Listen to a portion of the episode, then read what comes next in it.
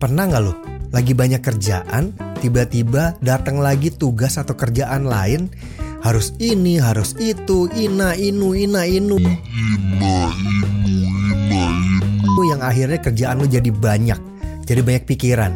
Overthinking dah tuh. Kalau pernah, lo harus tontonin video ini sampai kelar. Ya, kali aja bermanfaat. Gua Kucai dan selamat datang di podcast gua. Jangan lupa di subscribe, ya. Bisa kali.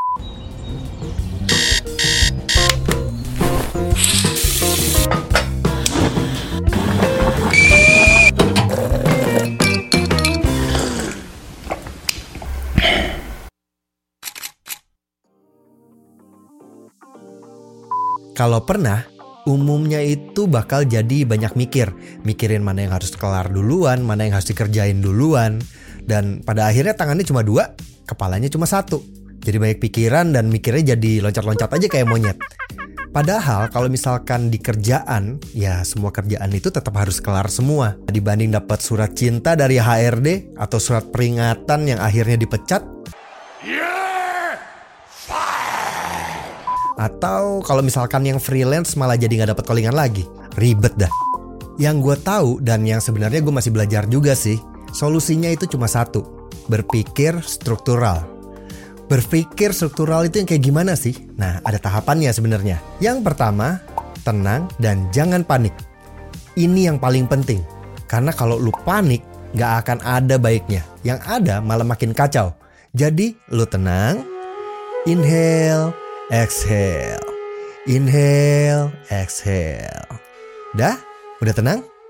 Karena kalau lu udah tenang, kita baru bisa ke poin yang berikutnya. Yang kedua, memetakan apa yang harus lo lakuin dan dikategoriin. Jadi lo list aja deh tuh, apa aja yang harus lo lakuin, abis itu lo bagi, dikategoriin sesuai skala prioritasnya. Nanti bakal ketahuan, misalkan mana yang harus lo lakuin duluan, mana yang harus lo lakuin nantian.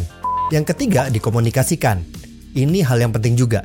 Nah, biasanya kalau lu yang kerjanya tim, kerjaan itu kadang nggak dilakuin lo doang. Kadang dikerjain sama divisi lain atau ya ada orang lain.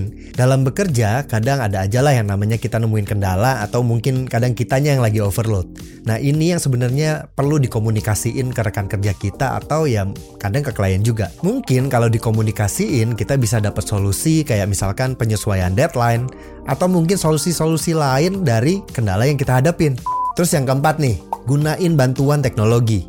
Karena kadang ada aja lah kita namanya manusia kadang lupa atau ke distract sama kerjaan-kerjaan kita. Jadi, teknologi ini sebenarnya bisa membantu pekerjaan kita. Jadi misalnya lo bisa pakai Google Sheet buat bikin list kerjaan atau buat bikin timeline. Atau bisa juga lo pakai Anydo. Bisa juga pakai Asana, pakai Lark, pakai Monday.com, dan masih banyak lagi. Sebenarnya itu semua gue lakuin di kerjaan gue sebagai produser. Karena gue sering bikin konten video yang kadang videonya yang banyak, kadang listnya juga banyak gitu. Jadi ya memang baiklah untuk dilakuin. Dan buat lu yang mungkin punya masalah yang sama, kerjaan lagi banyak, lagi bertubi-tubi, lagi numpuk-numpuknya, mungkin bisa lah coba lakuin poin-poin yang tadi. Semua tips tadi sebenarnya sederhana, tapi butuh disiplin. Lo punya nggak pengalaman atau tips tentang kerjaan yang bertubi-tubi kayak gini? Mungkin bisa tulis di kolom komentar. Thank you udah nonton video ini dan jangan lupa di subscribe, di like, dan di share. Gua Kucai, pamit.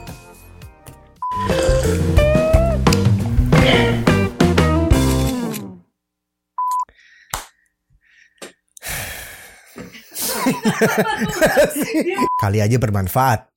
Gua Kucai. gua gua Bungkus. Bungkus.